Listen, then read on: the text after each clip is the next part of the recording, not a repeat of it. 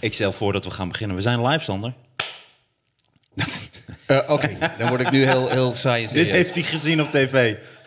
Het was net nog... zo'n klap, dat is om geluid en beeld gelijk te zetten. Alleen we hebben geen beeld. Oh, oké. Maar sorry, jullie gingen eerst een eerbetoon aan Nee, het we grote zitten, op de, we zitten te... Ja, precies. Oh, het is al begonnen, sorry. Yes. Ja, oh, nee, je hebt nu al, je hebt nu al gepraat. Ik heb nu al gezegd... Mijn hele inleiding... Nee, oké, dat maakt niet uit. Sorry, Wat ik wilde doen... Sander, doe je inleiding. Wat ik wilde doen is... eh, wacht eventjes, ik had het helemaal voorbereid. Maar dat was dus op voorwaarde dat dat nog een verrassing zou zijn. Maar Voor de, voor de luisteraar. Heel. Ehm, nee, nee, nee, dat moet ik dan niet zeggen. Wacht even, dat is voor mezelf erbij. Oh, maar je hebt een inleiding dat we gaandeweg de inleiding erachter komen wie de gast is. Ja. Ja, we hebben een zeer speciale mystery guest vandaag. Ik zet mijn radiostem op. Eh, de vader van de Nederlandse stand-up comedy. Mijn persoonlijke inspiratie. ehm, een tv-persoonlijkheid, de schrijver Bert Visser. nee, nee, nee, dat heb ik fout Ik dacht al persoonlijk. Het is. Inspiratiebron. Het is Heertje. Het is Heertje. En er zijn, ik ben heel blij eh, dat Raoul er is. Het is eh, geweldig. Ik ben zelfs een beetje zenuwachtig. En jij, Martijn? Ik vind het een zeer grote eer bij de Knorren Podcast. De enige echte Raoul Heertje. Ja, hij heeft mij ook eh, geregisseerd. En eh, ik vind het een hele fijne vent. En ik vind het een eh, fijne vriend ook. Mag ik dat zeggen? Dat mag ik wel zeggen. zeggen. Gelukkig. En eh, ja, welkom Raoul. Ja, ik vind dit hartstikke leuk. Maar Ja. ben, je, ben je echt zenuwachtig? Dan word ik wel... niet Tuurlijk, zenuwachtig. klein beetje, ja. Ja. Maar waarom dan? Nou, gewoon, je bent toch, bent toch mijn... Oh mijn god, het wordt gelijk heel serieus. Even dat de mensen... Ja, je, want wat? Nee, we- ik weet nog dat ik bij Comedy Train kwam. Maar toen was jij, jij was de baas. En ik heb, je bent echt eh, de, de, de... Ja, weet ik veel. Mijn eerste comedy-autoriteit. Dat is echt waar. zit- Maar Dus- dat is toch al daarna... Oh, dat was toen heel apart, weet je nog? Toen de- kreeg ik, eh, eh, kreeg ik de een, verzakking. Kreeg ik, ja, bleek Ja? ja, hypo, nee, hoe heet het nou? Epilepsie. Nee, Nee. jij voelde, je had heel erg last van je, van je hart. En toen, oh, je zei dat je last van je hart. En die zei, nou, niks aan de hand, niks aan de hand. Maar je werd helemaal wit. En toen heb ik de... Ja, of moet ik dit allemaal niet... Ja, nee, nee. dus Maar, ik- toen heb maar ik even voor de duidelijkheid. Dit ging toen Sander auditie deed. Nee, Sander had al auditie gedaan, was aangenomen. En dan ging ik altijd met mensen eh, praten. Want ik vond het belangrijk... De comedians waren toen echt belangrijk. Dus Als ze werden aangenomen. We werden aangenomen over te praten wat je dan wil, man. En toen zaten met z'n twee. En toen... Nee, nee, nee. Er zaten helemaal een heleboel comedians ook bij. Nog drie andere mensen ook. Oh, er waren nog, er was een Ja. groepje, sorry. Er was een groepje. Maar niet, de, de club was niet open, dat was gewoon op een middag. Nee, klopt. Maar we waren Ja. voor mij letterlijk contract aan het tekenen. ja, dat- die zo- waren er niet, maar Oh. de regels een beetje. Ja, wel wat de Ja. ideeën waren, ja.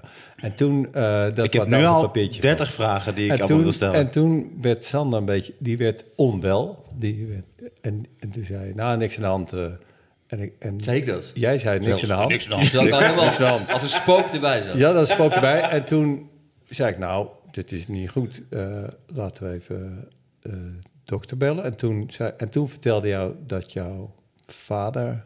Ja, die was heel kort ervoor overleden. En waarschijnlijk zat dat nog in mijn hoofd. En ik rookte toen ook nog heel veel. Dus al die dingen bij elkaar. eh, ja, en toen, hebben we gewoon, toen is de ambulance gekomen. Ja. En die hebben jou gecheckt. En toen bleek het gelukkig niks te zijn.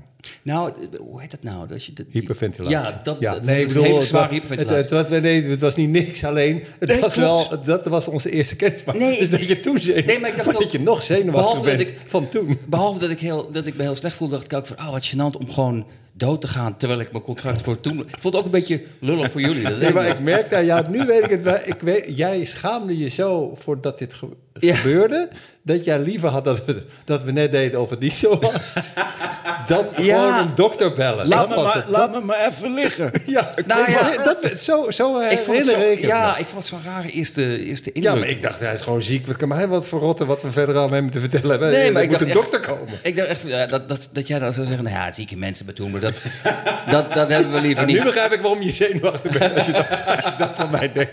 Ik, ik dicht jou allemaal macht toe over, Ja. over leven en dood, ja. Maar nee, inderdaad, ja. Dat was, Wauw, eh, Sander. Ik vond mooi wat je zei. Comedy-autoriteit. En dat is hier ook gebleven. Ja, Ja, ja, zeker. dat ben je nog steeds. Ja, ik vind het altijd moeilijk als mensen over mij gaan praten waar ik bij ben, wat ik dan moet zeggen. Nou, wen er even aan aan deze podcast. Oké, maar dan... dan ehm, ehm, op, maar ik, ik wil wat vragen. Ik heb gisteren Ja. de eerste aflevering gezien Ja. van Heertje en Bromain in Israël. Het Israël van Heertje en Bromet. Sorry. Ja. Eh, en dat voor mij is dat dus Zou je kort kunnen uitleggen wat het is? Ja, maar Sander wil wat zeggen. Oh, nee, Of niet? Ja, ik weet niet wie hier de leiding heeft. Nee, nee, Nou, dat is ook het probleem. Maar, We hebben allebei een beetje de dat leiding. is helemaal niet We zijn eigenlijk- aangekondigd, er komt ergens ruzie, maar die komt de eerste minuut. We zijn eigenlijk de drie sidekicks. Alleen het is handig, denk ik, voor de luisteraar om Ja, ja, dat als, goed. als rol heel beknopt als je zou kunnen uitleggen wat. eh, Het, het, heertje, Het Israël het van heertje Heertje en Bromet. Eh, ehm, eh, ik zal proberen het beknopt uit te leggen. Ik ben beknopter dan dit. ehm, een... Na mijn middelbare school ben ik meteen naar Israël gegaan, want ik was eh, overtuigd sionist. Dus dat is het idee dat Joden ook een eigen land willen en moeten hebben. En daar ben ik na een aantal jaren weer eh, weggegaan. En gaandeweg ben ik steeds gedesillusioneerder geraakt door het, eh, de uitvoering van het sionistische idee. Dus dat heeft niks te maken met bestaansrecht van Israël, wat mensen dan meteen gaan roepen. Maar eh, eh, de manier waarop Israël zich gedraagt en vooral misdraagt, eh, daar werd ik steeds kwader over. En op een gegeven moment kon ik dat niet meer combineren met mijn liefde voor het idee, zou ik maar zeggen. Dus ik ben gewoon echt, ik geloof, twintig jaar niet gegaan. Toen heeft een vriend van mij gezegd, jij moet een keer teruggaan, want dit is, dit, dit is jouw pijnlijke plek. Dus jij moet er iets mee doen. En dan moet je een tv-programma van maken. Nou, ik vond dat sowieso een goed ding is dat om naar je pijn te gaan. Dat klinkt heel... Maar dat denk ik dat dat heel goed is. Als Face your demons. Ja, zo, zo- ja, misschien is het. Ja, ja, gewoon echt. Omdat daar, eh, waar ik eigenlijk omheen ben. En toen ben ik. eh, Het dat- voelde onaf. Ja, helemaal onaf. En, en is, heel, eh, is een heel kwetsbaar stuk van mij, zou ik zeggen. Dus toen ben ik dat met. toen hebben we een idee ingediend. Nou, dat heeft uiteindelijk acht jaar geduurd, natuurlijk. Want het is met publieke omroep. Die vinden het eerst heel goed. om bepaalde redenen. En vervolgens komt er iemand dat, die zegt dat nee, maar om precies die reden is niet goed. En vervolgens ligt het drie jaar in een la. En dan komt er ineens iemand die weer precies om de reden waarom het was afgewezen zegt. Hè, dus bij mij was Of er komt iemand die zegt, waarom niet, waarom niet Cameroen? Nee, maar ja, nee, ja, dat kan ook nog. Maar in dit geval was het iemand, dezelfde man, die had eerst, tenminste, dat denk ik, want het gaat weer via mensen, dus je weet het niet. Hè? Maar het is voor het verhaal beter dat het... dus Dezelfde man. Die, die zei, nee, het kan Raoul kan dat niet, want die is geen journalist. Daar was het op afgewezen. En drie jaar later was het, ja, Raoul moet dit doen, want die is journalist. nou, in ieder geval, dat ben ik toen met Frans Bromet gaan doen. En dat is, eh, ja, volgens mij een prachtige serie geworden. En Frans Bromet, jij bent ooit begonnen als camerahulpje van hem. Dat vond ik zo mooi. uit- ja, toen ik uit Israël kwam, door, kwam ik door een heel raar toeval bij, bij eh, Frans Moment terecht. Eh, en daar was ik zijn cameraassistent, maar ik ben de meest onhandige man op aarde. Dus ik heb zes... En hij is gewoon echt een vooraanstaande cameraman. Was hij toen, hij is nu een vooraanstaande Mhm. documentaire maker, maar hij was toen vooral cameraman. Hij kon ook naar Amerika, weet ik. En ja, ik kan helemaal, ik kan echt niks. Ik, ik hoefde alleen maar kabels eh, te sjouwen en te vouwen. Ik weet nog wel steeds hoe dat, ik kan deze zo vouwen, maar ik kan dat nog steeds niet goed. En ik heb dus zes, en hij stond bekend als een hele nare, moeilijke man. Ehm, maar ik heb dus zes weken... Jullie hadden een leuke klik. Ik, ja, precies. Ja, want dat is ook mijn image. Dus ik heb het geweldig met hem. Hij was heel lief. En ik, hij heeft volgens mij niks in mij gehad. Maar, eh, eh, dus we hebben wel contact gehouden.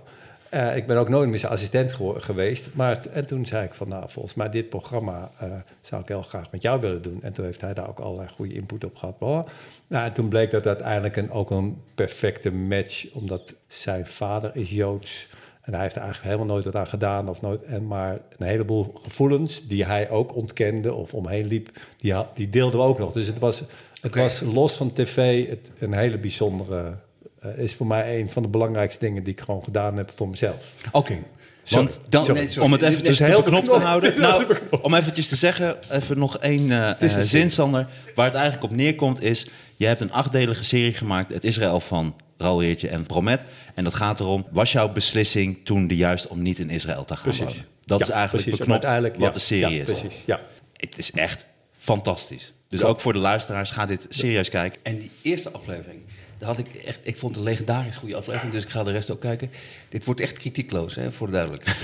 Ehm, Nou, wat lief. maar ehm, ik had er een paar vragen over, want ik moest ook zo verschrikkelijk om lachen. Maar ik, ik, toen, ik, toen ik zat te lachen, wist ik niet zeker of dat oké was. Want je, had- je, Je mag hem alles. in het begin van die eerste aflevering eh, eh, trek je op, heb je een stand-up optreden voor... ehm, Ja, ah, Nederlanders die in Israël wonen. ja, en het is zo ongelooflijk grappig. Want je komt op en je doet gewoon hele harde grappen over Nederlanders. Dat ze Ja. gierig zijn en iedereen eh, lachen. En wat, dat zijn mensen van bo- boven de 60 zitten daar of zo. Ja, de gemiddelde leeftijd, dat hadden, hadden ze niet van tevoren verteld, maar die wa- was vrij hoog. Ik denk dat de gemiddelde leeftijd 79,3 was. Oké. Voor mijn gevoel gaat het publiek juist met je mee. Tot je op een gegeven moment niet meer over Nederlanders hebt. Dan doe je die Netanyahu-grap. Dat Ja. hij doodgaat en heeft hij eigenlijk zijn eigen stukje land. Ja, En dan valt die grap is, ja, helemaal, die valt kapot. helemaal kapot. Ja. En dan wordt er ook gelijk weggesneden. ja. En dan na afloop van het optreden sta jij gewoon een beetje in je eentje. Oh, er komt eigenlijk niemand eh, naar me toe. Wat, wat grappig. En, en die scène later... Was ook mooi in beeld gebracht. Ja. Ja. In die scène later eh, praat je dan met, met een, eh, eh, een vriend van jou. Die Ja, net, van dat- vroeger, ja. vond ik- En dat, ja, ik hou zo van dat soort regie. Op een gegeven moment hebben jullie het over dat optreden. En dan, en, en dan zeg je op een gegeven moment zeg je tegen, wat, wat ik ook nooit zo doe bij mensen, wat, wat vond je ervan? Dan zeg je, ja, ik had het gevoel dat het wel goed ging, wat vond je ervan? En iemand stil zegt, eh, ik vond het niet zo geestig, nee. En, toen- dan zeg jij van, ja, maar het ging toch wel goed? En dan kijkt hij zo aan en dan zegt hij, maar had je zelf niet door dat het gewoon echt helemaal niet geestig was? Ja. zo weird. ja, dat vond ik fantastisch. Maar ook, dat is zo'n mooie scène, maar ook omdat... Het is een hele aardige man. Alleen hij legt gewoon uit van... Nee, je moet het niet over... Je had het gewoon van Nederland Nee, maar hij zegt gewoon, ik vond, ik vond dat dus, ik, toen zei hij, ja, dat was natuurlijk gewoon eigenlijk niet op een nare manier, maar hij zei, ja, dat is natuurlijk een heel slecht optreden. Je zult wel beter optredens gehad hebben, dit was echt heel slecht. Maar ik hou er dus heel erg van, als, hij zei dat niet om mij pijn te doen Nee. of te naaien of namens zijn vrienden om te kunnen zeggen, nou, ik heb hem... eh, Dat zei hij, omdat hij dat, hij vond het echt helemaal niks. En eh, interesseert hem helemaal niks als daar een camera in de buurt en dat zegt. En dat, dat is een van de dingen waarom ik Israël ook zo'n leuk land vond. Omdat daar op een of andere manier eh, al die beleefdheid die er eh, normaal is, zou ik maar zeggen, die, eh, die is daar helemaal niet. Dus ik vond, ik vond dat bijvoorbeeld heel prettig. Alleen het is ook heel, heel weird, want je gaat nooit met iemand praten over hoe goed je optreedt. Nee, nee, maar dat was juist zo mooi. Want hij was, dat is een hele lieve, beleefde man. Maar Ja. toen kwam bij het optreden... Nou ja, je had toch zelf ook wel door dat het totaal niet... Nee, eh, en toen gingen we eigenlijk een herhaling krijgen. Dat was het interessante, want kijk, ik was ervoor gevraagd. Ik, je, nou, je knipt het er allemaal uit. Ik was gevraagd voor dat optreden en toen had ik gezegd... ik doe dat niet, want dat doe ik ook bij Joodse organisatie in Nederland niet. Ik treed niet op eh, voor, dat, voor feesten, want dan...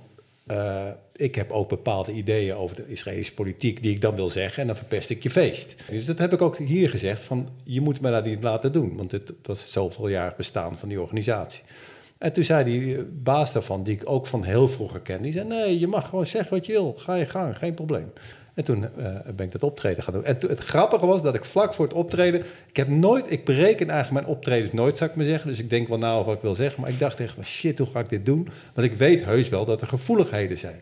Maar ik dacht, laat ik nou eens gewoon de gevoeligheden op tafel gooien. Dus ik, het, de hele act, de, de Ja. de act die is weggeknipt, gaat gewoon over... eh, wat is eigenlijk vriendschap? Dus bijvoorbeeld, ik gaf als voorbeeld... Ik weet dat een keer met een vriend van mij... die, eh, die had dus, dat is een heel goor voorbeeld... maar eh, die had neushaar. Ik ga niet zeggen... En, en niemand zei er wat van. Je hebt het niet over Sander nu, toch? Nee, ik had niet. En toen zei Erik van Saus, die, die zei op een gegeven moment. Hey, je moet even je, je, je neushaar knippen, super goor.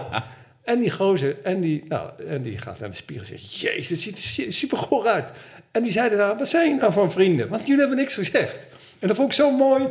vond ik zo mooi voor dat ik dacht, ja, wat raar. Dat vriendschap is dus eigenlijk dat je de hele dag... je- je, je zegt zogenaamd, geef je wel kritiek op elkaar... maar als het echt te gênant wordt Ja. zoiets, dan haal je je mond. Dus zo was mijn hele act, ging ook van nou... En, maar ik, ik, en ik was alleen maar het eerst aan het bewijzen... ik ben jullie vriend, ik heb hier gewoond, ik ben Zionistisch... blablabla, ik spreek jullie taal, of jullie, ik spreek Hebreeuws...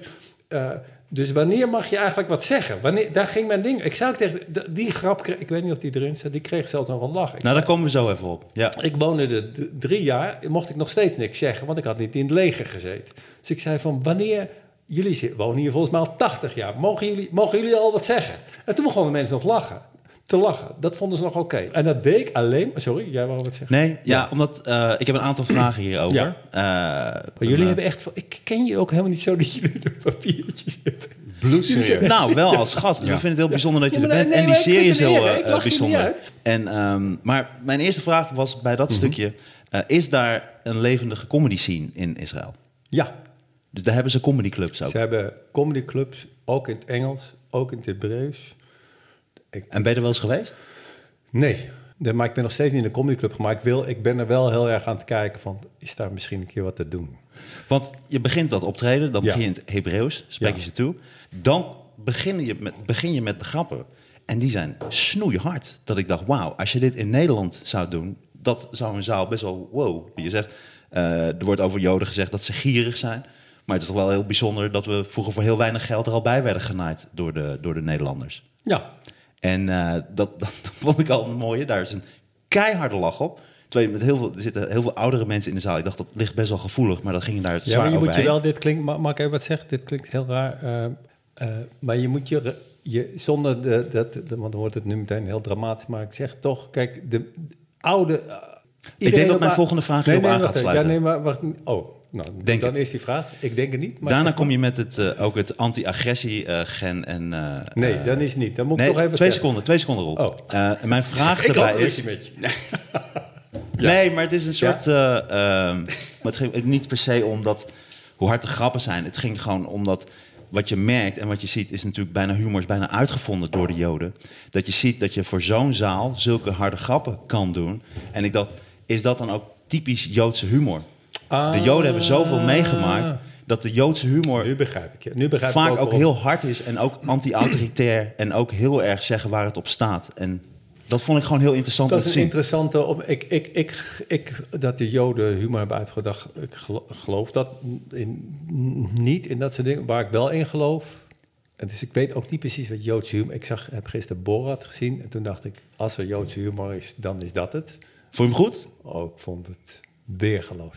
Maar echt briljant dan briljant. Maar daar kunnen we het straks over hebben, want dat vind jij niet. Dus dat is ook goed. Zie ik nu aan je hoofd. Oh nee, ik vond hem, ik vond Oh. hem gaaf. Alleen het, het typetje Borat is een klein beetje. Nee, maar het oversteeg dat. Maar wat ik even wil zeggen is dat de hardheid van de grap... Kijk, oude mensen overal op aarde hebben oude mensen heel veel meegemaakt. Dus die kunnen in zekere zin meer hebben of hebben meer gezien en gehoord. Alleen als je die generatie oude mensen in Israël...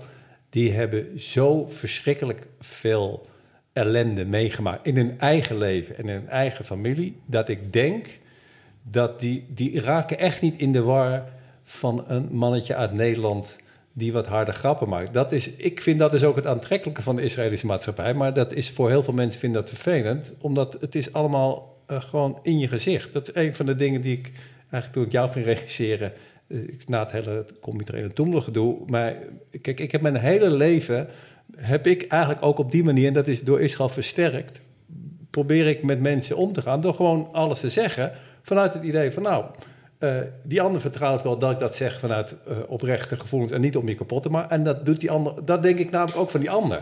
En dat is in Israël dus ook erg. Dus ook in Israël, ik kan, dus je kunt die grappen, ik weet niet over Israëlische humor, weet ik te weinig hoor, maar dus bij dat optreden, ik wist, ik kan elke, har- har- ik, ik kan gewoon harde dingen zeggen, eh, want niemand hier denkt dat ik dat doe omdat ik ze eigenlijk met een rot gevoel naar huis wil laten gaan. En dat vond ik zo bijzonder. Ja, da- dat kan daar dus. Maar dat is omdat die mensen, denk ik, omdat die mensen hebben zo verschil. Ik weet, dat is eh, toen ik eh, mijn alle, alle, allereerste optreden, is nog voor Comitrain zou ik maar zeggen, was het Antoni Theater op de Wallen. En toen, eh, Dachten, mensen dat je, dachten niet heel veel mensen dat je je pik ging laten zien. dat ging, dat, ging, dat ging ik ook doen. Dat was ook de de helft van mijn optreden. Want, ehm, eh, eh, dat, was, dat was een heel leuk theater, maar dat was echt, dan moest je echt langs de hoeren. Dat was echt niet zo'n hele leuke buurt. Vond ik. En ik weet nog dat ik mijn oom toen zei dat ik een, een tante, een, een oud-tante ook had uitgenodigd. En dan had ik gezegd, ja, ik vind het eigenlijk raar, want dan moet ze door die enge buurt en dat. En toen zei hij tegen mij, en dat klinkt nu heel pathetisch, maar ik ga het toch zeggen, die zei toen, nou, ze heeft Auschwitz overleefd, die gaat heus wel naar een theater op de wallen. En dat, ik schrok me helemaal kapot, hè, want ik, ik, ik, ik wist dat niet eens. Maar ineens dacht ik, oh ja. Dat je dat nu, vanaf nu altijd kan zeggen. Als er iets Nou gebeurt. Oh, die mevrouw is gevallen. Nee, nou, ze heeft Auschwitz overleefd. nee, maar Laat dat is even wel. liggen. Nee, maar ergens, en dit klinkt, het is voorkomen, ik weet ook niet hoeveel spijt ik ervan heb. Maar het is zo, dus dat geldt voor die mensen in die zaal ook. Die raken echt niet in de war van een mannetje uit Nederland die wat harde dingen zegt. Maar wat ik mooi vond, is dat je het specifiek over die mensen hebt. Ook mensen die dat hebben meegemaakt zelfs. Ja. Ehm, en toen dacht ik, wauw, als jij deze set in Nederland zou spelen... zou daar toch in een zaal anders naar worden gekeken. Zou het als veel harder worden ervaren. En dat vond ik interessant. Ja, maar ik denk dat dat ook is omdat, omdat in Nederland zijn dit soort. eh zijn natuurlijk ook echte problemen en mensen met echte trauma's en echte ellende. Alleen in Nederland zijn natuurlijk de meeste van dit soort eh, conflicten tussen mensen zijn bedachte conflicten. Dus comedians en cabaretiers doen net of ze pijn hebben... omdat de vrijheid van meningsuiting wordt aangevallen. En publiek zegt, oh, dit mag je niet zeggen... Ja. want nu zit je aan mijn groepje. Maar dat zijn allemaal eh, de luxe... Het zijn niet alleen maar, hè, want er zijn ook mensen met echte pijn waar je echt op hun tenen gaat staan. Maar het, voor een deel zijn dat luxe gevechten in de media om, om, om, om media te vullen. Maar ze zijn niet, het zijn geen echte. Want had jij deze set op de Nederlandse televisie gedaan? Oh, makkelijk. Ja hoor. Ik heb ook wel, het is ook niet zo dat al die grappen allemaal nieuw, want die kan ik echt wel. Alleen dan gaan mensen eerder erover zeiken natuurlijk. Ja. Ja, dat vond ik zo bijzonder. Dat je eigenlijk grappen die je in Nederland zou doen, zou je daar absoluut gedoe om krijgen. Die deed je eigenlijk bij de mensen waar je het specifiek over hebt. En die vonden het fantastisch. Maar ik vond het zo'n mooi voorbeeld. Maar dat is omdat inderdaad, als je, dat is mijn, dat, zo heb ik het niet eh, bedacht, maar omdat als je het recht in iemands gezicht doet, dan is het een eerlijk gevecht. Ja, en Dus- dan kan het ook. Ja, dan kan het, omdat dan, dan, dan, daarom heb ik ook al, al die onzin van je kan niks zeggen over islam in Nederland, over moslims, allemaal onzin. Ik zeg alles wat ik vind over, over elke groep. En ik heb ook met die groep helemaal nooit gedoe gehad.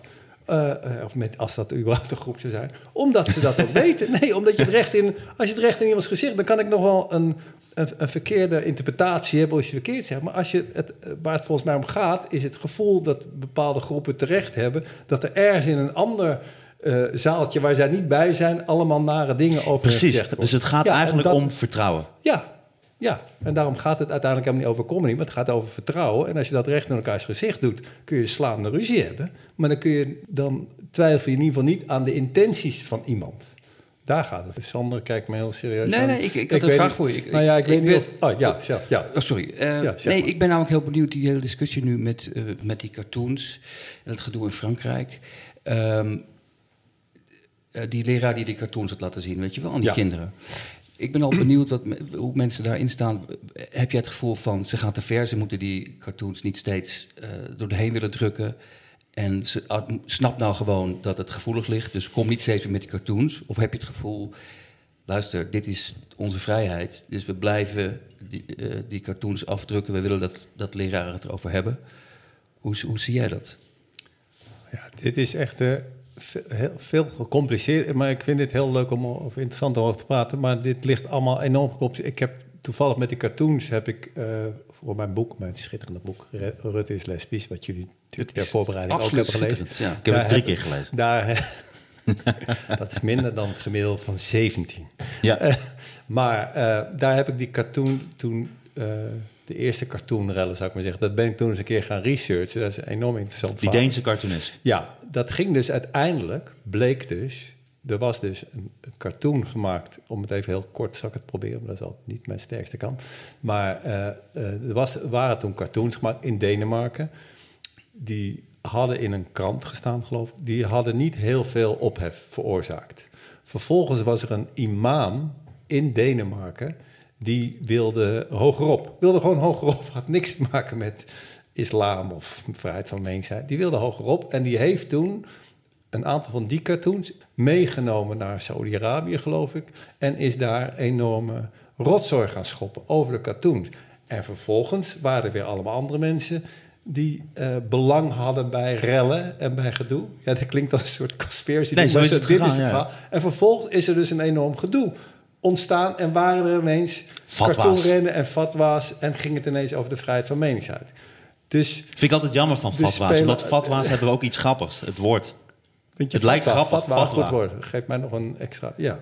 Dus er spelen een heleboel andere dingen. Nou, je, je kunt best vaststellen dat er op dit moment een probleem is met mensen binnen de islam die vinden dat de normale regel dat als je kwaad over iets bent, dat je naar de rechter gaat, dat die niet meer hoeft. Dat je gewoon iemand kunt vermoorden. Maar dat is niet een gevecht van de islam met de vrijheid van meningsuiting. Eh, dat, dat is de ene kant van het verhaal. Dus het is, eh, tuig is voor mij tuig. Het maakt voor mij niet zo heel erg uit wie, wie welk excuus. Ik heb, ik heb, daar- want ik heb hier, ja, ik, zou, ik heb hier hele, Ja. ik, heb mijn hele act hier al over, eh, omdat, ik, omdat ik hier al heel lang mee bezig ben. Maar het idee dat het namens de groep, ik bedoel, de, de- als je het, eh, die serie met Israël, er zijn in Israël is er een eh, Baruch Goldstein.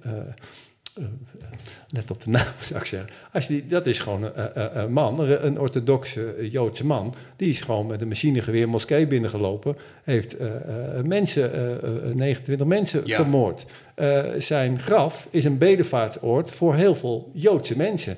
Nou, dat is gewoon tuig. Dan kan je zeggen, oh, de Joden zijn ook allemaal tuig. Nou, de Joden zijn niet meer tuig dan alle andere groepen, maar er zit een heleboel tuig. Dat is de ene kant van het verhaal. De andere kant van het verhaal is, maar dat staat, vind ik, helemaal los. En daar moet je het echt lostrekken van wat dat verschrikkelijk wat nu in Frankrijk is gebeurd. Het idee wat er in Nederland nu wordt gaan van, oh ja, wij mogen gewoon alles zeggen, om dat gewoon als doel te maken. Van, wij- je, natuurlijk mag elke cartoonist moet in vrijheid alles kunnen doen. Ja. Punt. En elk, ik moet alles kunnen zeggen en jullie hebben al. Alleen dat betekent niet dat je niet ondertussen ook mag nadenken over dat je zelf gevoeligheden hebt en jouw groep heeft gevoeligheden. Dus misschien heeft iemand anders ook die gevoeligheden, maar anderen. Ik heb een keer, en misschien moet ik als. Het is, ik moest een keer optreden in Leiden, moest ik een discussie leiden, dus allemaal houten met toten. Eh, eh, die Cliteur was er, die nou voor Forum voor Ja. Democratie is, geloof ik.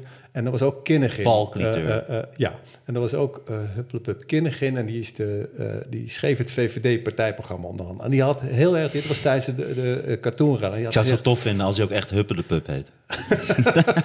Dat het gewoon echt- en, die, en die zei dat je hebt het recht om te beledigen. Je hebt het recht om te beledigen. En je moet ophouden met dat gezeik. Toen zei ik, nou, ik wil toch eens... Ik vind het allemaal een beetje te makkelijk om hier abstract over te praten. Ik heb voor jullie allemaal een bijnaam bedacht. En dan mogen jullie zelf bepalen... Mag de bijnaam, doen we de bijnaam of doen we je echte naam? Nou, dat was een Turkse meneer, daar zei ik tegen... Zal ik jou noemen de schoonmaker, de Turk of meneer... ehm, ik weet het niet, helaas niet meer. Nou, die man moest er gewoon om lachen. Want die begreep het concept ook. En die zei, nee, noem me maar gewoon bij mijn voornaam. Maar hartstikke leuk.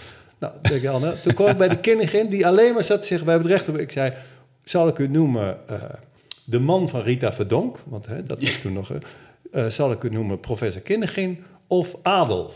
Toen stond hij op, zo'n kerel, hè?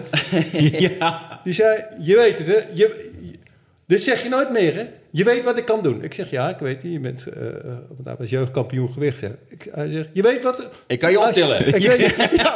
Boven mijn hoofd. En neergooien. Heel lang. Die werd woedend. En die dreigt, die dreigt gewoon met Ja, geweld. Ja. Gewoon met geweld. Omdat ik, omdat ik zei niet Hitler, ik zei Adolf. Ja, jij bedoelde Adolf Bakker. Precies. Ja. Maar, nee, maar even voor de, om even Ad- duidelijk te maken. Het, Ja. hele, het, hele idee, het hele idee dat je niet, dat je elkaar gewoon, dat het, natuurlijk is het je grond, je mag iedereen beledigen, maar het, het, het idee dat het leuk is om iemand anders te beledigen en dan net te doen alsof jij niet beledigd kan worden. Grappen over de holocaust, dat eh, mogen niet. Bijna. Dat is, heb je meteen problemen. En, en, en terecht in mijn ogen, hè? want mij doen ze ook pijn. Alleen dat, dat is voor eh, mensen die toevallig moslim zijn, voor sommigen. eh, eh, Is dat weer is, grappig? is, is dat weer heel grappig? Ja. Ja, dit wordt wel een hele Nee, nee. grappige podcast. Leuk. Ja, Ik, vond, ik vind het wel interessant, want ik vind namelijk, ik snap denk ik wel wat je bedoelt. Alleen soms hoor je dan, als er zoiets gebeurt zoals in Frankrijk, hoor je dan ook mensen zeggen van, ja ja, het is ook niet leraar, het is een beetje die leraar zijn eigen schuld. Nee, dat is het- totale... on- wie, dat trek ik wie nooit. dat, nee, dat trek ik, wie dat zegt, begrijpt er helemaal geen ene zak van. Natuurlijk is het niet die leraar zijn schuld. Natuurlijk niet. Die, dit is verschrikkelijk. Het is gewoon... eh, het- Nou, wat ze zeggen, kijk, je mag natuurlijk alles laten zien, maar is het slim om in een klas met kinderen, met ouders die daar toch anders naar kijken, om dan dat soort tekeningen te laten Het zien? is niet dat slim. is de vraag. om, nee, maar het gaat erom. Maar dat heeft niks te maken met dat je dan dus vermoord kan worden. Je haalt het uit de context. Dit is wat ik net bedoelde met. Bedoel, Nee, dit, zeker, ja. Dit was nieuws. Kon ik alleen maar doen omdat ik, ik vertrouwde de mensen die het monteerden. Ik ga nooit op tv. Ik zal nooit in een programma zitten. Ik zit sowieso gelukkig niet veel op tv. Maar ik ga nooit in een programma zitten over dit soort onderwerpen wat gemonteerd kan worden. Dat, wij, dat heb ik altijd geweigerd. Want ik weet dan dat ze het zo gaan knippen dat ik iets raars ga zeggen, zodat ze dan vervolgens daar weer over kunnen gaan Dat heb ik ook bijvoorbeeld met radio-interviews. Dan zeggen ze, mogen we je even bellen? Dan zeg ik, tuurlijk. En dan ben je aan het praten, maar dan is het helemaal niet live. Dan nemen ze dat eventjes op en dan Ja. knippen ze dat ook. Ja, en ik, zou dat, ik doe dat dus niet. En dat is eigenlijk, dat bedoel ik met die leraar. Die leraar eh, eh, heeft dit volkomen ten goede trouw gedaan. Heeft dit, en Ja, natuurlijk. Als hij, als hij niet ten goede trouw had gedaan, dan mag je hem ook niet vermoorden. Dus uh, dat is een hele slechte opmerking. Maar Maar je moet dingen niet uit hun context halen. Dat is natuurlijk wat iedereen de hele tijd doet. Wat, ik, wat ik apart vond, is we, we proberen altijd natuurlijk ook de comedy en de humor op te zoeken in alle onderwerpen. Tot nu toe gaat het hartstikke Ja, goed. maar ik zag bijvoorbeeld ook bij mensen die hun, hun medeleven wilden delen over de onthoofding ehm, in, in Frankrijk, is dat ze dan van die emojis eh, met, met zielige gezichtjes, met zo'n traantje, dat ze echt zo. maar dan denk ik, ja, maar dat zijn ook losse hoofdjes. Dus ik had naar iemand gereageerd. Je reageert nu met losse hoofdjes op een, maar die heb ik toch weer verwijderd, want ik dacht, oh ja. Straks vindt deze persoon dat helemaal niet grappig ook. Nee. Mag ik iets vragen, Ja? Dit vroeg ik ook aan Sander. Uh, dit vraag ik me dus de hele tijd af bij de cartoons van eh, Charlie Hebdo. Ik snap ze nooit echt. Van over Erdogan bijvoorbeeld. Eh, thuis is hij wel leuk. En dan doet hij de, de rok van een serveerster. Tilt Ja, hij omhoog. En dan zegt hij, daar is de profeet. Ik heb altijd bij hun cartoons, ik snap ze niet. Nee, maar ik vind deze discussie... De, ik, ik ben deze toevallig... Zat ik ook naar te kijken, dacht ik, hè, ben ik nou gek? Nou, mijn vraag was voor Ja, jou als ja. gast, en dit vragen we bij Ja. elke gasten. ehm, hoe zou een tekening over de profeet eruit zien als hij wel grappig is? Dit is gewoon, we willen alweertje dood. Ik wist het, we willen alweertje wil, Nee, we dood we hebben een pen voor je en een papiertje. Nou, gelukkig kan de rest mij- van de uitzending de tijd om een leuke cartoon te maken. Ik, eh, ik, ik, eh, ik kan gelukkig niet tekenen, dus ik kan me achter alles vandaan. Ik, ik kan me niet... Ja, maar- nou ja, nee, volgens mij maakt het dat, dat het wel erger. Dat, dat het maakt op zich niet uit of, je die- of je die grappen wel of niet leuk vindt van Charlie Hebdo. Alleen, Nee, dat- precies. Het, het, het- maar het is toch jammer dat ze niet zo grappig zijn.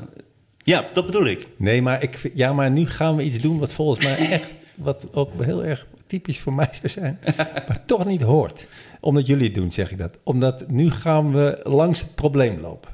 Het probleem is niet of de grappen Nee, wel nee, niet nee, goed maar dat- dat is- Nou, het probleem is dat er mensen zijn die vinden dat er... Kijk, ik heb een heilig geloof in de rechtsstaat.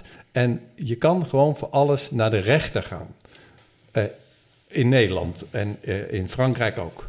En dat is niet een, volko- vol, eh, dat is niet een systeem wat eh, aan 100% werkt, maar dat is het beste systeem. En iedereen die zich daar niet aan houdt, of het nou eh, om wat voor reden Ja. ook, die moet opgepakt worden en aangepakt en weet ik wat. Dat, dat is het probleem. Maar het probleem is nu niet ineens dat er mensen zijn die toevallig moslim zijn en zich daar niet aan houden. Het probleem is overal, op alle gebieden, dat er mensen nu vinden dat ze het recht in eigen hand mogen nemen. Ja. Dat is het probleem. Dus je kunt in elke groep gewoon eikels vinden eh, die zich misdragen. En je kunt in elke groep mensen vinden die niet eikels. Ja, daarom, voor mij is het echt gewoon, je hebt eikels en je hebt niet eikels. En mij interesseert het geen zak welk excuus je uit je groepje haalt. Je bent allemaal lid van honderd groepjes. En eh, de truc is wat iedereen doet, en dat is volgens mij het ingewikkelde, is je wordt aangesproken als, hè, ik word nu, ik word ook door zo'n serie weer, ineens ben ik de Jood Ralweertje, terwijl ik ben ook Joods, dat vind ik ook prima, daar ben ik ook trots op, maar ik ben ook heel veel dingen die helemaal niks met mijn Jodendom te maken hebben. Alleen, je wordt dus erop aangesproken en ineens heb ik dan Joodse humor. En omgekeerd werkt het ook zo dat omdat ik toevallig Joods ben, dan moet ik dus zeggen: Oh ja, eh, nu word ik weer bekeken als Joods. Oh, en dan ga ik allemaal negatieve dingen van anderen daaraan toeschrijven. Dat is volgens mij wat er nu heel erg gebeurt. Dat heb ik een hele goede act over met heel goede grappen, maar die ga ik hier niet doen, want dat is gewoon zonde. Dat is zonde. Daar moeten mensen even voor naar het theater gaan. Precies, ja, wat dicht is. ja. Weet je wat ik zo'n mooie grap van jou vind, eh Raoul? Dat is, een, eh, eh, dat is jouw grap dat je... Dat gaat over je dochter. Zij is net geboren. En Ja. wat jij dan doet, is jij gaat met de poepluier... die ze vol heeft gescheten... Ja, doe je onder haar neus... ja. en vraag je... kom, je hier vaker? Ja. En wanneer ze weer een luier volkakt... ga je weer naar haar toe, weer onder ook echt- ook kom je hier gedaan. vaker? Heb Twee jaar lang vaker? Ja. ja, dit heb je ook echt gedaan. Ja, tuurlijk. Ja, met als doel dat als zij later in het café staat... en er komt een of andere foute gast naar de toe... Nou ja, met, de, onoriginele gast. Ja. ja, met de slappe openingszin... hey, kom je hier vaker? Dat zij dat associeert met de poeplucht. Ja, want zo werken hersens. Ik heb namelijk heel veel gelezen over hersens. Ja. Hersens associëren. Dus als jij dan hoort, kom je hier vaker, dan komt dat beeld van die drol omhoog. En dan denk je, jezus, je bent gewoon een sukkel. Dit is En- zo goed. en heeft. Wat? Sorry, ga door. nee, en, en heeft ze nu een vriend? Ze heeft eh, op dit moment, ja, dat eh, doet ze geen uitspraak over, dus dat mag ook. Dus ze heeft eh, volgens mij officieel nu geen vriend. Maar ze eh, begint een hele goede smaak te ontwikkelen, laat ik het zo zeggen. Ah, dat vind ik heel mooi omschreven. Dus daar, daar, daar heb je ook aan moeten wennen. Ik denk dat dat, ja, nou, eh, oh, niet aan moeten wennen. Nee hoor, nee. Want ik vind, dat, ik vind het hartstikke leuk. Ik vind ook, je moet ook heel veel eh, vriendjes hebben voordat je de goede vindt, denk ik. Oh, dat vind ik ook mooi gezegd. Ja, maar dat is, ik, ik, had, ik, ik was heel bang dat ik een hele vervelende vader zou zijn op dit gebied. Maar dat ben ik helemaal niet eigenlijk. Nee, je lijkt me wel een pittige schoonvader. Nee, oh nee, met die jongens. Ja, nou ja, ik heb nooit door hoe. ehm, ik, heb, nou, ik, ik, ik heb niet door dat voor die mensen dat allemaal groter is. Ja, ik zit gewoon een beetje te keten, maar voor hun is dat dan groter. Hè? Ik heb wel eens een, een vriendje bij ons eten en dan vonden Noah en ik, eh, mijn dochter, vonden het eten niet lekker. En dan zei ik gewoon tegen ze, joh, ja, wij vinden het ook niet lekker hoor, die zoeken echt niet te eten. En dan zat die jongen heel blij, nee, ik vind het heerlijk, ik wil nog een beetje. Ik zei, nou, dat zou ik echt niet doen, want wij gaan zo patat bestellen. En, en ik had dus niet door, Noah en ik hadden ontzettende lol met elkaar. Maar die jongen, die zat daar gewoon, ja, dit is de vader van... Die durft dat niet te zeggen, ja, ik vind het ook niet zo lekker. Maar wat, wat hadden jullie besteld of was het van je vrouw? Nee, mevrouw, Oh, echt? En wat Ja. had ze gemaakt dan? broccoli soep. Dat heeft ze verneukt. Altijd, altijd. Dat is haar specialiteit. Dit moet je uitzenden. Want Wat, wat doet ze erin dan? Courgette? Ja, ik weet niet. Ze kan verder echt wel goed koken, maar broccoli soep. Broccoli pureren, een bouillonblokje en heet water erbij. Dat, dat gaat altijd mis. Wat zei ze dat maar wel? Nee, ze blijft het wel proberen. Nee, nee, ze heeft nu zeker. En dit is denk ik de finale. Dit is de finale doodsteek. Nu heel Nederland weet dat Ja, zij ja, geen broccoli soep kan maken. Nee, ik wou zeggen nog de grot. Dat, is- dat is De grot, dat- ja. De andere, waar alle lekkere wijven zitten. Dat het zomer wordt. Die deed ik altijd als die, heb je ja. al die heb je echt heel tien jaar lang Ja, gedaan. ja, Dat is ik- altijd leuk. die had ik als een traditie ook als de zomer werd. begon. Ja, ja. Beetje rokjesdag van Martin Bril. Nee, maar Ja. dat in de, in de winter... Ik wil niet je grap jawel, maar, in doe de- maar. dat in de winter... Nee, dat je opeens allemaal mooie vrouwen ziet in de, in de, in de zomer. Dat je denkt, ja, maar waar- komen ze opeens vandaan? Zitten ze Maar de hele winter in een grot of zo? Ja, ja. ja. En die hebben tien jaar achter elkaar... Tien jaar veranderen dat ook niet. Ja, De- nee, de- oh, die heb ik echt, die heb ik, ik denk echt langer gedaan. Ah, die doe je nog steeds. Doen. Die, die, heb ik niet, die doe ik niet meer, maar nu je hem zegt, ik denk bij de zomer dat ik hem wel weer doe. Want dat fascineerde me namelijk echt, Ja. want ik dacht ook weer, ook met, je- ik ben heel geïnteresseerd in hoe je hersens werken. Van, er is toch iets raars dat als de zomer begint, dan, dan zie je ineens, voor je gevoel ineens heel veel mooie vrouwen, die je niet ziet in de winter. Dus waarschijnlijk is het zo dat je gewoon in je hoofd er van alles gebeurt als het zomer wordt, eh, als man. Maar ik dacht, nee, ze zitten in een grot. En daar zitten, ze dan, zitten ze te wachten. En dan doet af en toe een iemand een vinger naar, beneden, naar buiten van... Ja, we kunnen. En Eentje kan eruit. Ja, Dat ze zo'n dat ze zo'n startschot. hele grote Ja. steen ervoor wegrollen. ja, en dan ineens komen ze naar buiten. Maar ik denk dat het komt, wij zijn aapjes. Waar wij, eh, we zijn niet anders. ja. En wij zien bloot. Dus wij zien blote benen, we zien blote schouders, we zien decolletés. En ja, dat, eh, dat is wat er gebeurt. dat Ja. ramt ons gevoel Ja, eh, ja, meteen. Wat is jouw meest gerecyclede grap dan? Welke grap heb je het vaak? Bijvoorbeeld die van mij is... eh, mijn moeder is half Japans, tenminste, ze heet Ans. Deze grap heb ik Dat is heel grap. vaak gedaan. Ja, ik weet dat jij die een keer... Ik heb hem op de radio gedaan, ik heb hem op tv gedaan, ik heb columns heb ik hem gedaan. Hij is, hij is ook eh, als stripdingetje. Ik denk dat ik deze grap sowieso op zes verschillende platformen heb gedaan. En ik denk dat die, ik heb hem wel veertig keer gebruikt. Ik denk, die grap, die heb jij mij toen gestuurd voor jouw programma, volgens mij. Ja, die had dat je kan. al. En toen heb ik daar echt naar moeten kijken. Ik begreep, die begreep ik. Hij is een- het is een van mijn completere grappen. Dat ik echt dacht, hé, wat is hier nou de grap? Ik dacht ook laatst, dat wil ik nog zeggen. Ik liep laatst echt, dacht, dacht, ik- dacht ik ineens een grap van jou, omdat je altijd van die rare dierengrappen. Toen zag ik een, eh, een, een, ik weet niks van vogels, maar toen zag ik een vogel, dacht ik, is dit misschien een meerkoet? En toen dacht ik, wat Martijn nu als grap zou durven te doen, is willen we meer koet of willen we minder koet? Dat zou jouw politieke standpunt zijn. Deze vind ik meteen leuk. Ja, dat weet ik. Dus daarom die moet ik je even meegeven. Zo'n hele slechte... Kijk, je hebt nou je hebt een verschil tussen goede, slechte grappen en slechte, slechte. Jij, jij bent echt de expert in goede, slechte grappen. Ook, vind ik. Ja, ik ben er wel een beetje mee opgehouden met anti-humor. Op een gegeven moment, Ja? Het werd een beetje een doodlopende weg. Zo, ah, het, is, het is heel grap, het is heel slecht, dat is de grap. Op een gegeven moment, als je dat te vaak doet, denk je, ah, misschien kan ik iets maken wat echt bedoeld is dat het echt grappig is. Ah, dat, maar dat vind ik ook een interessant ding. Maar dat is volgens mij ook wat er dan gebeurt. Als je, want jij, jij bent echt de comedians comedian, wat dat betreft ook. Dat wij, als, als je weet dat jij heel grappig bent... en je maakt dan een goede, slechte grap... dan Ja. werkt die beter dan dat je inderdaad denkt van... Hè, die gozer maakt gewoon het, Ja. hele goede, slechte grappen. Is, dan, moet- je moet eerst even eh, vastgelegd hebben bij het publiek... dat je gewoon een, dat je heel grappig bent. Sander is, een, Sander is een olijfje. Dus in het begin denk je, gaat, dit is hartstikke bitter, dit is hartstikke goor. En op een gegeven moment leer je het waarderen. En dan begin je, doe je het in je martini. En op een gegeven moment kun je gewoon losse olijven eten. En dan ben je er gewoon aan gewend. Geniet van deze podcast, mensen. Het is de laatste. de laatste van Sander en Martijn. Maar, ehm, maar je, eh, ja, ik, ik had het gevoel op een gegeven moment dat het... Dat het op een gegeven moment is het, is het alleen maar deken te vaak. En dan wordt het alleen maar van ha ha ha. Het is, het is eh, slecht, maar het is eigenlijk... eh, Ik weet dat het slecht is. En dat is ook een soort valkuil, vind ik. Dus ik ben de Ja. laatste jaren doe ik eigenlijk alleen nog maar gewoon... Vrij straight, gewoon wat vind ik hiervan. Ja, je wil ik- deconstrueert. Ja, ik heb jou heel lang natuurlijk niet zien optreden. Of natuurlijk, nee, ik heb jou heel lang niet optreden. Maar jij decons- de- deconstrueerde ook eigenlijk de humor en de grappen. Nou, ik had een keer zo'n... Volgens mij zei nog tegen mij... Dan had ik een optreden in het land. En toen had ik bedacht van... Ik had zo'n honkbalpetje. En dan zei ik tegen mensen... Mensen, als ik het honkbalpetje op heb... dan ben ik het serieus. Als ik het afzet, ben ik, ben natuurlijk niet serieus. En dat ging dan door- elkaar halen. En in het begin werkte dat wel... Maar op een gegeven moment was het gewoon uitgewerkt. Zat die hele zaal aan te kijken, dat een idioot. En toen zei hij na afloop van... Ja, maar omdat je het petje gewoon zo te ver over je ogen had... konden mensen helemaal niet meer je, je gezicht zien. Dus het werd een soort radio, radioverhaal. Dus dat is dan heel erg, inderdaad, heel erg meta over comedy. Maar dat, dat, dat vond ik altijd superleuk, ja. Alleen, alleen ehm, ik ben voor mij wat saaier en wat, wat, wat gewoner geworden. Dat ik gewoon nu een onderwerp neem, dit vind ik ervan. En daar doe ik dan gewoon eh, humor over. Ik heb het gevoel met absurde humor ook... daar zit een soort leeftijdsgrens aan. En Misschien is het totaal je-. Ja. bij, bij, bij wie? Bij, Nou, bij mij in ieder geval. Niet bij andere mensen. Maar op een gegeven moment krijg ik het gevoel van... Oké, dit, dit, dit ga ik nu niet meer doen. En maar, maar, omdat je het zelf, maar vind je het zelf dan niet meer leuk? een bepaald soort, bepaald soort humor. Ik zou nu bijvoorbeeld... Een heleboel dingen die ik vroeger gedaan heb... zou ik niet meer doen. Omdat ik denk, ja...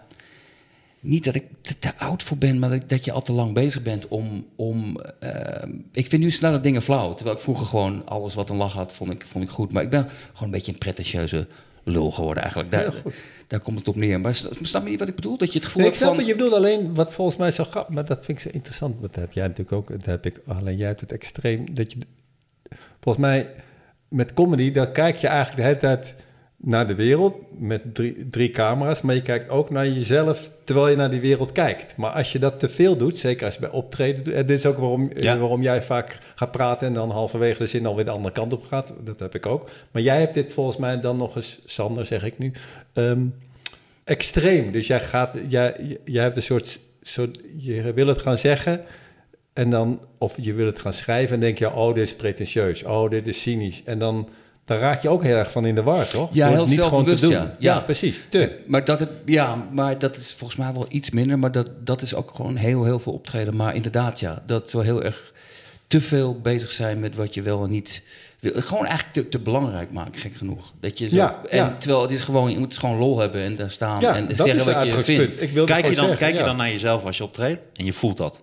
Zie Nee. je dan dat je boven jezelf uitzet en dan eigenlijk erheen kijkt dat je denkt, oké, wat, wat doe je nu of wat moet ik nu Alleen doen? bij hele slechte optredens, dan zie je jezelf echt staan. Dat heb ik wel eens gehad in het theater, dat het helemaal stil was. En die hele zaal zit me aan te kijken. En dan op een gegeven moment hoor je jezelf zo... Ja. En dan denk ik, oh mijn god, ik moet dit nog een uur doen. Wat, wat ben ik nou aan het doen? Het is wel grappig. hè? Het is wel grappig als jij jezelf ziet staan, dat je dan zelf ook zo boe. Ja, maar, nee, maar dat, dat is ook zo. Dan, dan hoor je jezelf ook. En dan denk ik ook echt... nee, Ik, snap- het is ook En dan echt praat je niet- ook gewoon echt door. niet grappig. Nee, maar dit is echt- Nee, maar je dat is ook zo grappig. door, want Je, dit- je, je ja. praat gewoon... Ik heb, dit, ik heb nooit in mijn leven... Ik heb één keer een blackout gehad. Dat was toen speelde ik op Lowlands. Zo'n hele grote zaal. En die ging Juliet. al, eh, ik weet niet, Ja. maar er waren 1500 mensen. Ja. Echt heel veel. En toen... En ik had lang niet gespeeld. En, en, en ik kwam op en mensen gingen allemaal staan en joelen. Ik heb het ook niet om. Dus, dus ik was helemaal in de Stond een band achter je. Ja, ja ik, denk, ik denk het ook. Het, het, had, het kon niet met mij te maken hebben. podium opgelopen. Ja, dus in ieder geval, ja. Ehm, en, en toen gingen tien minuten gingen gewoon goed. En toen op een gegeven moment wist ik echt niet meer. Ik wist, ik, Nee, nee. ik wist, ik, ik had voor het eerst in mijn leven echt dat ik gewoon helemaal, ik wist helemaal niet waar ik over moest gaan hebben. En toen ging ik inderdaad gewoon praten. Gewoon, ja. En toen dacht ik, wat ben ik nou aan het doen? Ik ben gewoon aan het praten. Maar ik weet helemaal niet wat ik nu verder wil vertellen. En dat is zo raar dat je mond, dat je, Ja. dat je mond gewoon doorgaat. Gek is dat, hè? Dat is toch heel vreemd? Dat je, dat je, dat, ja, ik weet niet of het talent is of gebrek aan talent of gewoon... Ik heb dat dus met improv. Wat ik ga doen, dit is zo raar. Dan speel ik. Dan moet ik herinneren wat ik ga doen. Want ik doe altijd weer andere dingen. Dus ik maak er zelf voor mezelf ook een grote chaos van. En dan ga ik, om te rekken, ga ik met iemand in het publiek praten. En dan ben ik met iemand aan het publiek aan het praten. En soms gaat het nog heel goed zelfs ook. Terwijl ik ondertussen aan het verzinnen ben van wat moet ik zo dadelijk weer verder Echt? doen. Ja. Oh, dat, kan ik, dat kan ik namelijk echt niet. Ja. Dat is een beetje dat. Ja. Ja, het is hetzelfde. Alleen dat ik, als ik met iemand praat, dan moet ik echt met iemand, wil ik ook echt met iemand praten. Dus dan wil ik niet. Ja, dat heb ik ooit geleerd van Mark-Marie Huibrechts. Die zei met, met improv is het gewoon belangrijk. Stel een vraag die je echt zou willen weten van die persoon. Heeft hij, heeft hij weer van mij geleerd. Hè? Ah, ja, jij bent voor iedereen een comedy-autoriteit, Rol. Ja, alles wat je nu citeert van comedians op aarde. Komt allemaal bij jou. Komt maar allemaal terug, terug naar mijn vraag. Ja, oh sorry. Wat is jouw meest gerecyclede grap?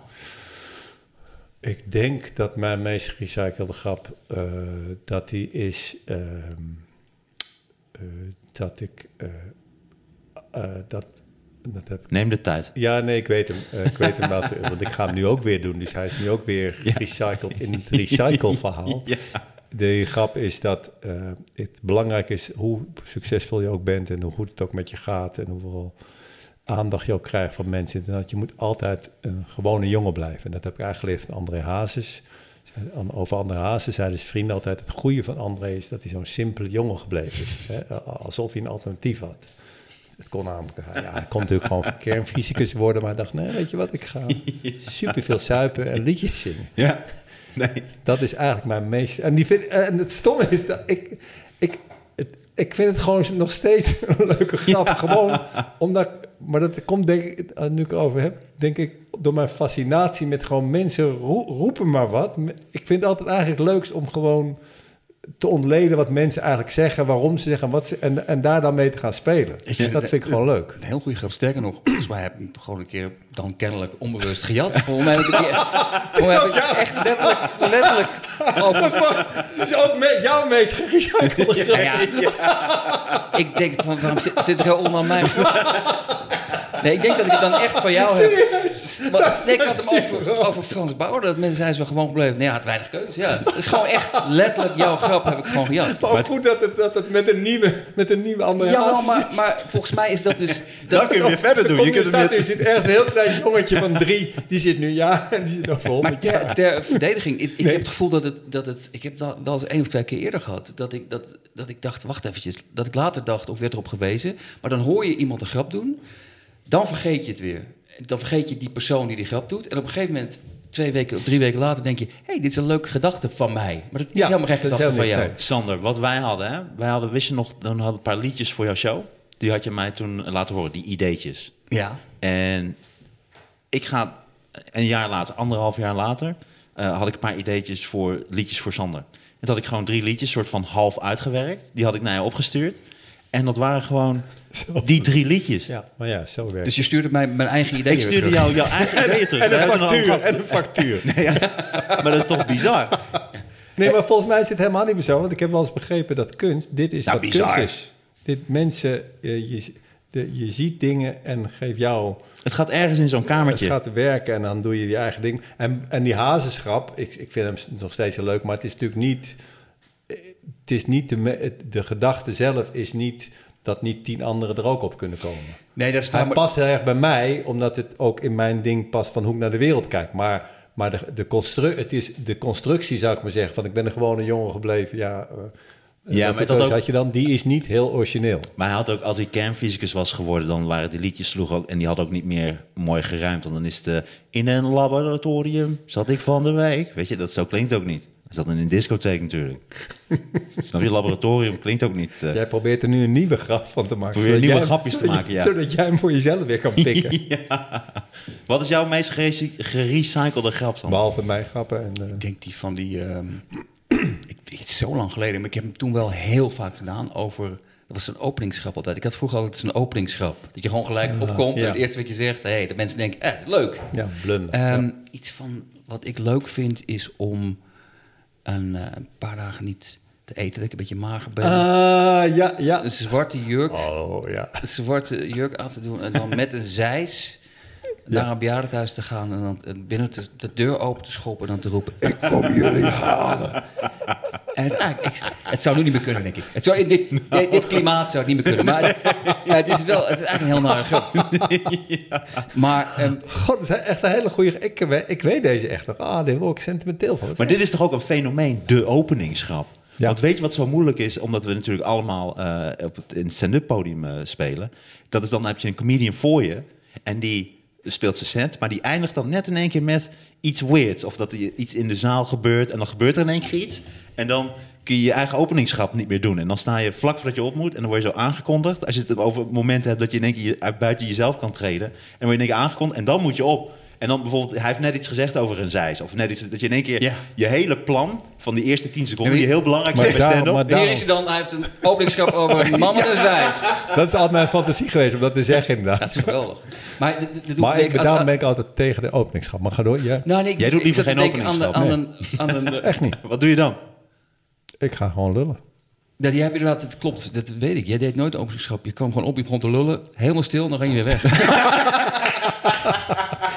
Op een gegeven moment hebben we daar onze conclusies uitgetrokken. Nee, maar ik moest denken aan zo'n scène in The Simpsons. Dan gaat Homer Simpson gaat een keer stand-uppen. En er is een MC, dat is, dat is dan die Waylon Smithers. En vlak voor Simpson opkomt, zegt hij van... Oké, we zetten wat comedy, maar trouwens...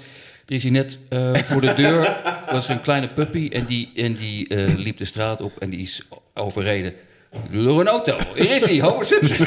en iedereen. En dan komt hij zo, hé hey, mensen. En dan iedereen in het publiek. Oh, die nare man, die puppy. En dat is- vond ik zo grappig. Dat is weer helemaal kapot Ja, is dit is, gemaakt. hier heb ik altijd heel veel fantasie over gehad om dit te doen bij elkaar. Dat lijkt me zo grappig. Maar ja, dit, dit, dit, kan je no- dit moet je namelijk doen op een normale show. Dit kan je niet We doen gefaked. gedaan, toch? We hebben één keer zo'n zo'n hele de slechtste avond mogelijk, toch? In Toemler. Toen was Nico volgens mij was MC. en die ging iedereen op zijn alle- Dat is het goede begin op zijn vandaag. allerslechtst ging iedereen aankondigen. Het was hilarisch. Alleen, het is altijd hilarisch voor ongeveer de helft van de zaal. En de andere helft... dat- We we hadden een avond gedaan, dat, dat heette de slechte grappenavond. Dus iedereen ging zijn slechte grappen Ah, doen. dat was goed. was 1 april was dat. En die ja. helft vindt het dan leuk. En de andere helft, dat heb jij nog wel verteld aan mij, die kwam echt naar je toe van... Ja, maar dit zijn hele slechte grappen. Ja, dat was Maar- beetje publiek. ja, het heet de slechte grappenavond. Ja, dit, zijn ik hele slechte grappen Dat was en het is s'avonds. Owen was toen ook heel goed. Ja, nee, die maakte hele goede slechte grappen. En zei mensen, ja, maar zijn slechte grappen. Ja, Ja, maar dat weet ik, dit is waar. Nou, echt beledigd. Dan denk je, ja. maar wat had je dan verwacht? Het is gewoon... Ja, soms moet je dus niet fucken daarmee. Maar ik denk dat het wel leuk is. Dat is ook, dan heb je het weer over vertrouwen natuurlijk. Dat is dat als je elkaar met een beetje een drempeltje aankondigt. Dus dat je een klein beetje moeilijk maakt. Ik denk het kapot maken, bijvoorbeeld als je elkaar bewust eh, zorgt dat je Extra openingsgrap kapot maakt, vind ik serieus ook goed. Want de openingsgrap is echt, maar daar heb ik een hele theorie natuurlijk over. Dat is echt een fout ding. Voor, is echt slecht voor een comedian, denk ik ook. Waarom? Ja, want jij... Omdat, omdat als je concentreert. Het comedy. Kijk, volgens mij wat er gebeurt bij de opening. Ik deed het ook altijd. Er is een andere Hazes. Die grap, die heb ik 100 miljard keer als openingsgrap.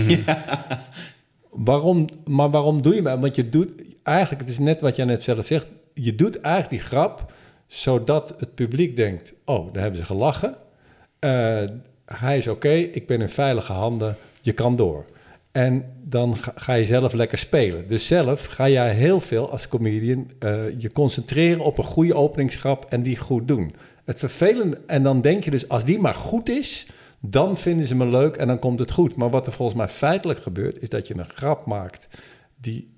Wat mensen feitelijk zien is iemand die, als je niet heel goed speelt, eh, eigenlijk doodzenuwachtig is. Ja. Eh, en ze als een gek naar zijn eerste grap rent.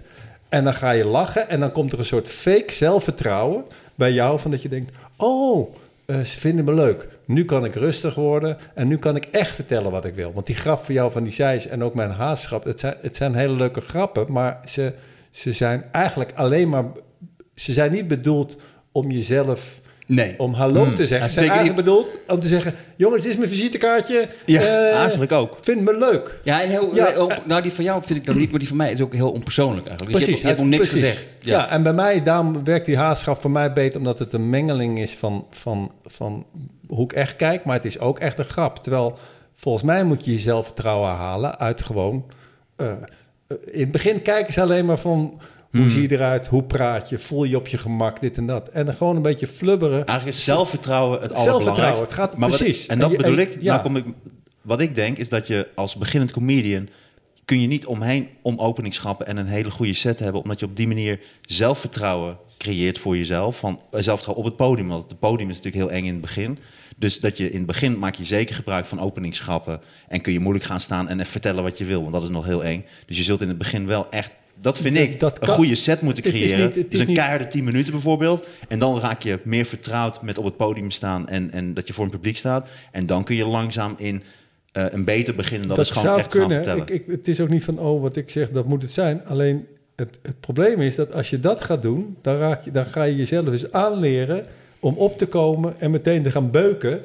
En dan ga- wordt het dus nooit persoonlijk. Ik weet toen ik bij jou Nou, voor dit, het is mijn, dit is mijn ding, ja. Jij, jij, jij kwam op, jij, goedenavond, ja, leuk, eh, leuk, eh, leuk jullie te zien. Nou, en je zag en aan je voelt en alles. Ik vind het helemaal niet leuk Ja, je vindt het niet leuk. te zien. Het was geen avond en hij is blind. Dus het is allemaal, er is helemaal niks. Er is niets waar. Er is niets waar. echt op, in de ochtend op. Ja, in de Goedenavond mensen.